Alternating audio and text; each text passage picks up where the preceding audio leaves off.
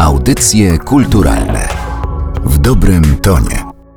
To są audycje kulturalne, podcast Narodowego Centrum Kultury przy mikrofonie Aleksandra Galant. Na początek naszej rozmowy chciałabym zadać Wam pytanie, czy wiecie, co to jest jedna pieczka. Otóż jedna pieczka to jest jednostka dobroci i bezinteresowności. Te, jak mam nadzieję, jak chciałabym, uniwersalną jednostkę stworzył reżyser Jan Jakub Kolski w nawiązaniu do nietuzinkowej postaci wybitnego aktora, jakim był Franciszek Pieczka. Franciszek Pieczka wykreował ponad 450 filmowych ról, a niedawno na półkach księgarni pojawiła się książka, która przedstawia go z innej, bardzo osobistej i intymnej, rodzinnej perspektywy. Ta książka to Franciszek Pieczka Portret Intymny, a ja mam to szczęście i wielką radość, że zaproszenie do dzisiejszego spotkania przyjęli Katarzyna Stoparczyk, dziennikarka i autorka książki, a także syn pana Franciszka, pan Piotr Pieczka. Witam w audycjach kulturalnych. Dzień dobry. Witamy. Chciałabym porozmawiać o Franciszku Pieczce, o aktorze, którego wszyscy znamy i kochamy za wiele ról. Nie chciałabym zbyt wiele mówić o Gustliku, bo mam wrażenie, że to jest postać, która tak mocno do niego przylgnęła, że może warto temu dać spokój. Zacznę od pytania właśnie o to aktorstwo, o wybór pana ojca, któremu on do końca pozostał wierny i to była chyba taka misja i pasja. To, że tato podjął decyzję, że zostanie aktorem, to wzięło się z tego, że tata był miesiąc czasu na Politechnice Katowickiej i potem zrezygnował z Politechniki i zdawał do szkoły aktorskiej. To najważniejsza rzecz, że tata uznał zresztą przez całe życie też przyświecała mu zawsze, on to powtarzał, że trzeba robić rzeczy te, które się kocha, nie? Tata gdzieś tego bakcyla tam jak przez Olzę do Czech szedł, żeby zobaczyć Znachora i potem dostał wielki łomot od swojego dziadka. Gdzieś ty piorunie tam na Znachora żeś poszedł. No i myślę, że właśnie ta magia kina, ten Znachor, który był wyświetlany w Czechach w kinie, tak zaważył na, że tak powiem, późniejszych losach i dorastaniu mojego taty, że powiedział, że chce zostać aktorem, aczkolwiek na tamte czasy aktorstwo było takie kojarzone z kimś takim, że, raczej aktorzy są biedni, ciężko im będzie i tak dalej, nie? No, że jednakże w życiu trzeba mieć fach. No ale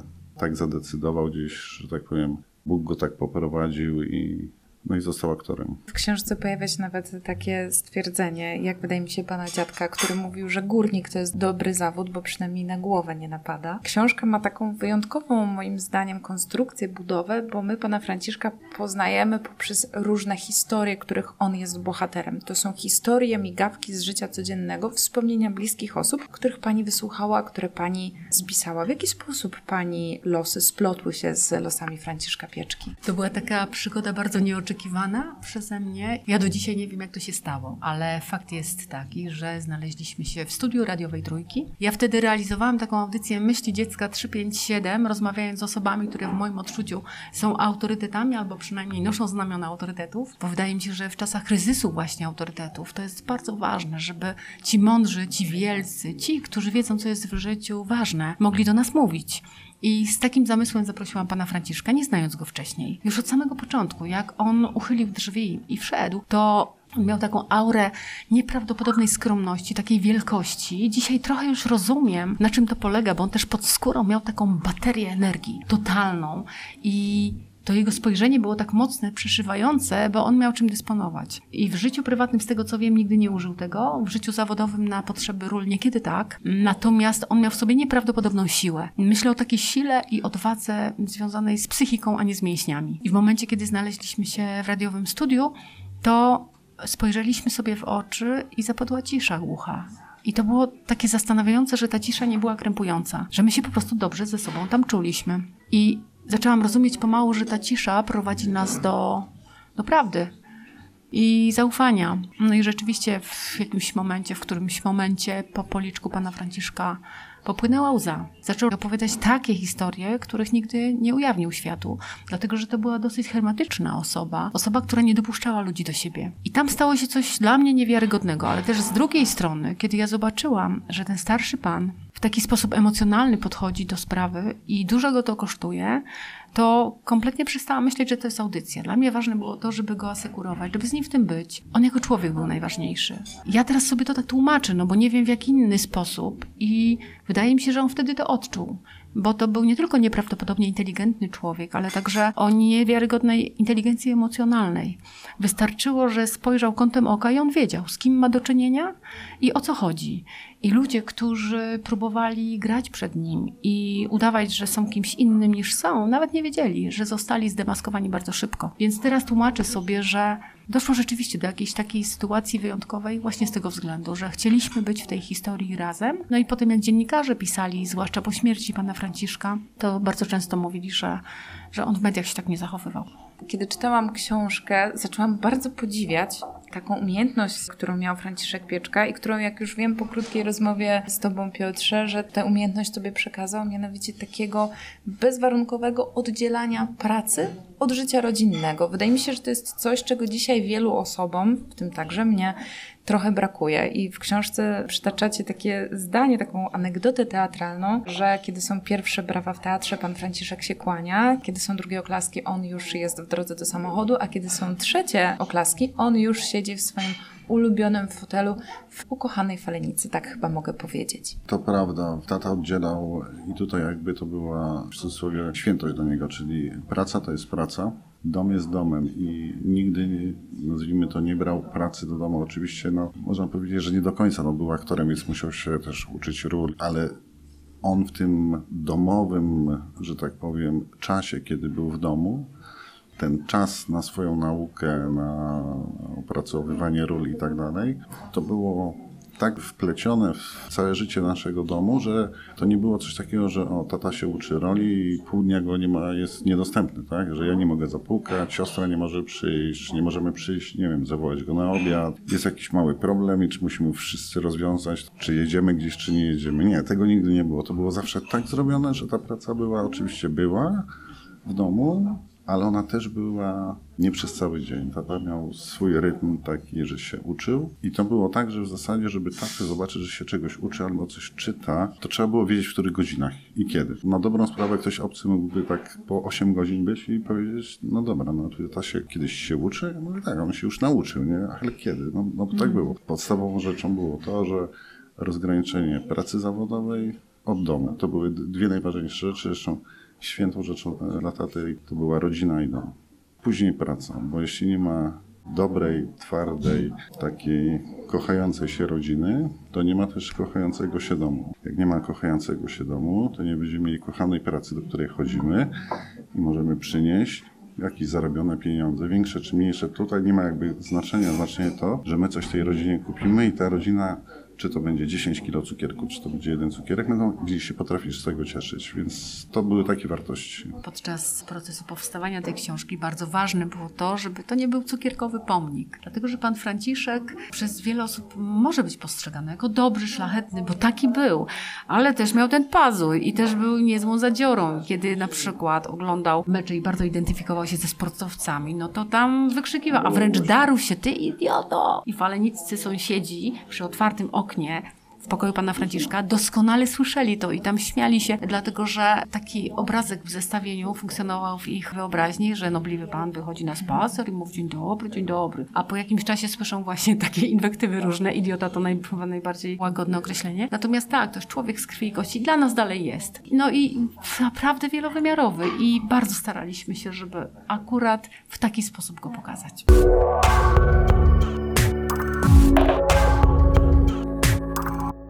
To też jest fragment z książki i zdaje się, że Pani obserwacja, mianowicie, że Franciszek Pieczka miał w sobie takie świeże spojrzenie na świat. Mimo lat cały czas zachwycał się tym, co go otacza. Jeżeli wychodzi ze studia człowiek w wieku lat 91, nawet 90, niech będzie, jest bardzo zmęczony po rozmowie, a widzi, że stoi przed nim mały, wściekle żółty samochodzik, akurat mój osobisty, którym odwoziłam pana Franciszka do Falenicy i nagle on się ożywia i nagle ma blask w oczach i widzę, że coś się dzieje fenomenalnego. Wsiada do tego samochodu, po czym pyta mnie, czy mogę raz jeszcze wsiąść. Ja mówię, bardzo proszę. I tak pięć razy powtarza tę próbę, po czym mówi, Piotrze, to tak naprawdę do was był komunikat. Proszę pani, ja chcę taki samochód mieć, a nie ten duży, który oni chcą mi kupić Mam nadzieję, że nie kupiliście panu Franciszkowi tego wielkiego. Kupiliście? Nie, wielkiego nie, wielkiego nie, ale też żółty, może nie do końca żółty, tylko jest niedojrzały banan. Przepraszam, jak został nazwany samochód, bo mam nadzieję, że ta tradycja została dochowana. Tak, lemon. To jest lemon. E, Lemon jeszcze jest oczywiście. Lemonem jeździ córka. I z Lemonem jest taka anegdota. Tata powiedział, że właśnie Kasia go odwiozła i tak dalej. Jechała takim fajnym samochodem. Musimy zmienić samochód. No dobrze, zmieniliśmy samochód. No i była teraz taka negocjacja, czy z automatyczną skrzynią biegów, czy z ręczną. Tata oczywiście. Klasyk. Nie no, synek. Ręczny automat. Jak kiedyś jeździłem, przejechałem się we Francji, wujek mi dał i mi to wcale nie pasuje. No dobrze, no i żeśmy pojechaliśmy do dealera, wsiadamy i tak dalej, no i dealer mówi, pan co, ale tylko automat jest. Tata się przejechał, wrócił, po czym wysiada z tego samochodu i mówi, dlaczego ty mi tak późno powiedziałeś, że te samochody z automatyczną skrzynią biegów to są takie przyjemne do jazdy. Ja chcę taki. No i taki miałem, jeździł. odnośnie tego wsiadania, wysiadania. Ja wtedy miałam taką ogromną frajdę też, że po audycji zdarzało się, że zwłaszcza tych starszych gości odwoziłam do domu, opiekowałam się nimi, bo różne były sytuacje. No i cieszyłam się, że to jest Falenica, a nie dwie ulice dalej, bo mieliśmy okazję porozmawiać. I patrzyłam w oczy tego starszego pana, który nagle był małym chłopcem w krótkich spodenkach i zachwycał się, jak pięknie liście tańczą nad dachem sunącego samochodu. W jaki sposób do wieczności biegną te nawłocie niechciane i opisywał mi to i rozmawialiśmy, zrozumiałam, że świat przyrody to był świat po prostu jego, oswojony. Od tego malutkiego synka z Godowa, który miał trzy lata i wędrował sobie z witką wierzbową w rączce, bo pasał gęsi od malucha, pasał krowy, krowy szły w szkodę, potem chłopaki uciekali, ale to był jego świat i kiedy przyjechał do Falenicy, to opowiadał mi, że musiał znaleźć analogię. Musiał mieć też swoje jezioro, swoją drogę, swojego kota, bez ogona co prawda, ale jednak, No falenickiego. to jest taka anegdota, relacja taty z kotem. Z Tam, czy- kotem krakersem. z kotem Krakersem, czyli to było coś takiego, że kot Krakers jak wchodził i były drzwi uchylone do taty i tata wiedział, że on wchodzi, to ten kot po prostu robił się taki niski i szedł tak powoli, żeby nie był zauważony i już dochodził do fotela. On wiedział, na który fotel może skoczyć. Tam, gdzie tata siedział na tym fotelu, to absolutnie to nawet nie próbował, ale jak mój tata tylko na niego spojrzał i palec wziął do góry, to kot zawracał w tajemniczy sposób i spokojnie szedł ta droga tego metra zajmowała mu pół godziny, że może tata jednak zrezygnuje, go zawoła, a on tak nie chciał wychodzić. Proszę sobie wyobrazić, Pani Olu, że ukochanym drzewem Pana Franciszka to była stuletnia drobnolistna lipa i on żartował sobie, że to jest jedyna starsza przyjaciółka ode mnie. I to była ta magnolia, z którą wojował i najpierw wycinał ją, bo ona się rozrastała jak wściekła. W każdym razie on personifikował świat przyrody i w taki sposób opowiadał, jakby to byli jego najwierniejsi przyjaciele. A z tym fotelem to jest y, rzeczywiście taka historia, że nawet rodzina rzadko zasiada w tym fotelu, kultowym fotelu Pana Franciszka. I proszę sobie wyobrazić sytuację, kiedy ja trafiam do Waszego domu, Piotrze, do domu rodzinnego Pieczków i Piotr mnie wprowadza do tego pokoju, mówi Kasia siadaj tu, a ja zupełnie nieświadoma tego, co to za fotel i gdzie ja siedzę. I w pewnym momencie Piotr powiedział mi po czasie już właściwie, jesteś jedyną osobą spoza rodziny, która tutaj usiadła. Mało tego, Piotr przyniósł mi archiwa, albumy i ja na tych kolanach miałam takie poczucie, jakbym trzymała całe życie Franciszka. I to jest tak niesamowicie poruszający moment i wzruszający.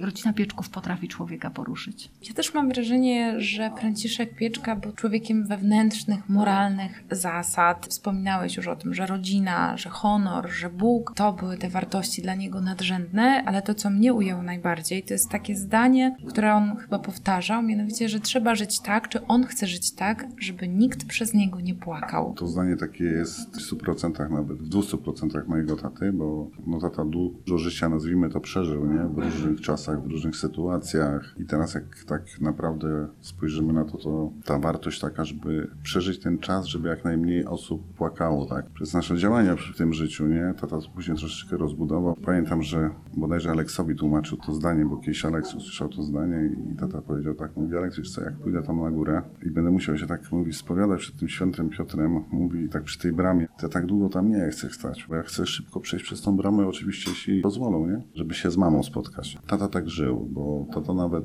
Kasia tutaj wspomniała o tym, że był taką hermetyczną osobą. Może nie, nie w sensie takim hermetycznym dla obcych, tylko że tata miał to coś w sobie, że e, jemu wystarczyło trzy zdania powiedziane przez kogoś, spojrzenie tej osoby na tatę i można powiedzieć, nie wiem, tata już wiedział, czy będzie chciał dłużej rozmawiać z tą osobą, czy nie będzie chciał rozmawiać. I 99 lat mogę powiedzieć w 100% nigdy się nie pomylił. Czyli do tego jeszcze intuicja. Ale chciałam zapytać też o to życie zawodowe, bo jednak większość z nas kojarzy Franciszka Pieczkę jako wybitnego aktora, zresztą uznanego chyba za jednego z najważniejszych polskich aktorów XX wieku. Na kartach książki pojawia się określenie, którego on używał, mówiąc o reżyserze Janie Kubie Kolskim, że to jest mój reżyser. Czy rzeczywiście to była taka postać dla niego bardzo ważna i czy być może, bo kojarzymy go z wielu filmowych ról, miał takie, które były dla niego szczególnie ważne. Nie tylko te nagradzane, chociaż dla mnie to też było zaskoczeniem, że tych nagród, mimo ogromnego dorobku i wielu osiągnięć, nie było zbyt wiele. Mnie się wydaje, że tutaj zarezonowała wrażliwość, dlatego że Jan Jakub Kolski jest nieprawdopodobnie wrażliwym człowiekiem. On trochę się obudowuje i chroni przed światem, ale tak samo robił Franciszek. Bo Franciszek z jednej strony emanował potężną siłą, ale z drugiej strony miał też swoją ogromną wrażliwość. I ja pamiętam, jak odwiedziłam ojców szensztackich. Jeden z nich był spowiednikiem pana Franciszka, już u schyłku jego życia. I pamiętam, jak ten człowiek ze łzami w oczach powiedział mi, że nigdy wcześniej, a starszy ojciec, nigdy wcześniej nie doświadczył tak głębokiej wrażliwości u jakiegokolwiek człowieka. Franciszek spojrzał na Pietę i ze łzami w oczach z taką czułością powiedział, jak ta mateńka musiała cierpieć. I to milczenie trwało długo, obaj bardzo to przeżyli, było bardzo katarktyczne, ale to też pokazało, on sobie nosi, takie współodczuwanie. On też bardzo ludzi rozumiał i być może tą hardością synka z Godowa ze Śląska musiał się chronić przed światem, ale wracając do pani pytania, ja to czytam w ten sposób, a czytam sercem i piszę sercem, więc to jest jedyny mój pryzmat, który mogę nałożyć tutaj na te opowieści, który mogę przyłożyć do tych opowieści. To wydaje mi się, że to była jedność wrażliwości. Niemniej jednak, pomimo tego, że Jan Jakub Kolski tyle filmów wyreżyserował z udziałem Franciszka, tyle genialnych filmów, to oni nigdy nie rozmawiali ze sobą o życiu prywatnym. To było dla mnie bardzo zaskakujące w tych opowieściach, także pana Jana. Mieli inne tematy oczywiście, natomiast wydaje mi się, że akurat między nimi dwoma wiele odbywało się ważnych kwestii bez słów. Jeden był planetnikiem, wyczarowywał śnieg, drugi deszcz i o tym również piszemy w tych opowieściach. I tak sobie myślę, że jak teraz myślę o Jan, Janie Jakubie Kolskim, który mieszka ze swoimi ukochanymi czterema psami w Popielawach, słynnych zresztą. On zainstalował, słuchajcie, tam ogrzewanie podłogowe w budach psom. No to chyba dużo mówi o człowieku, prawda? Na koniec naszej rozmowy chciałam poruszyć temat, który również bardzo mnie urzekł po lekturze książki. Mianowicie stosunek Franciszka Pieczki do młodości. Młodości uosobionej trochę przez jego wnuki, dla których może nie tyle naginał reguły, co stosował specjalne reguły, pewną taryfę ulgową, ale też młodość była chyba czymś, w co on bardzo wierzył i co bardzo wspierał. Tata zawsze wierzył w młodość, to, że zawsze i wnukom, i, i też trochę starszym osobom, które przychodziły, że tak powiem, no ale no, różnica wieku jaka była, to właśnie to, że w życiu trzeba jak najmniej osób krzywdzić, kochać to, co się robi i nie gonić za pieniądzem. Takie trzy rzeczy, nie? Jeśli powiążemy te trzy rzeczy, to na pewno kwiat nazwijmy to dobrobytu, szczęścia, nie wiem, miłości, zacznie rozkwitać. Jeśli tego nie ma, no to, to tego nie będzie. A y, jeśli chodzi o wnuki, tak, u taty, to było jedyne miejsce, gdzie nie mogłem krzyczeć. Jak było coś, że coś tam, wiadomo, dzieci rozrabiają, a dzieci są dobrymi psychologami, to po prostu po tych domowych korytarzach, to tylko do dziadka. Ja wchodziłem za nimi, tata się na mnie spojrzał, ty wiesz, ja mówię, ja wiem. One nie chciały. Ja mówię, dobrze, za 10 minut wyjdą. Tyle było mojej złości, nie? Oczywiście tam w cudzysłowie, no wiadomo, że tam później na nie nie krzyczałem, no ale tak było. Ta rozmowa wydaje mi się, że jest zaledwie częścią obrazu Franciszka Pieczki, który w pełni wyłania się z książki Franciszek Pieczka Portret intymny, o której dzisiaj opowiadali jej autorzy, to znaczy dziennikarka Katarzyna Stuparczyk, a także syn Franciszka Pieczki, Piotr. Bardzo Państwu dziękuję za to spotkanie i za tę rozmowę. Bardzo, bardzo dziękujemy. Dziękujemy i zapraszamy do przeczytania książki o tacie. Audycje kulturalne w dobrym tonie.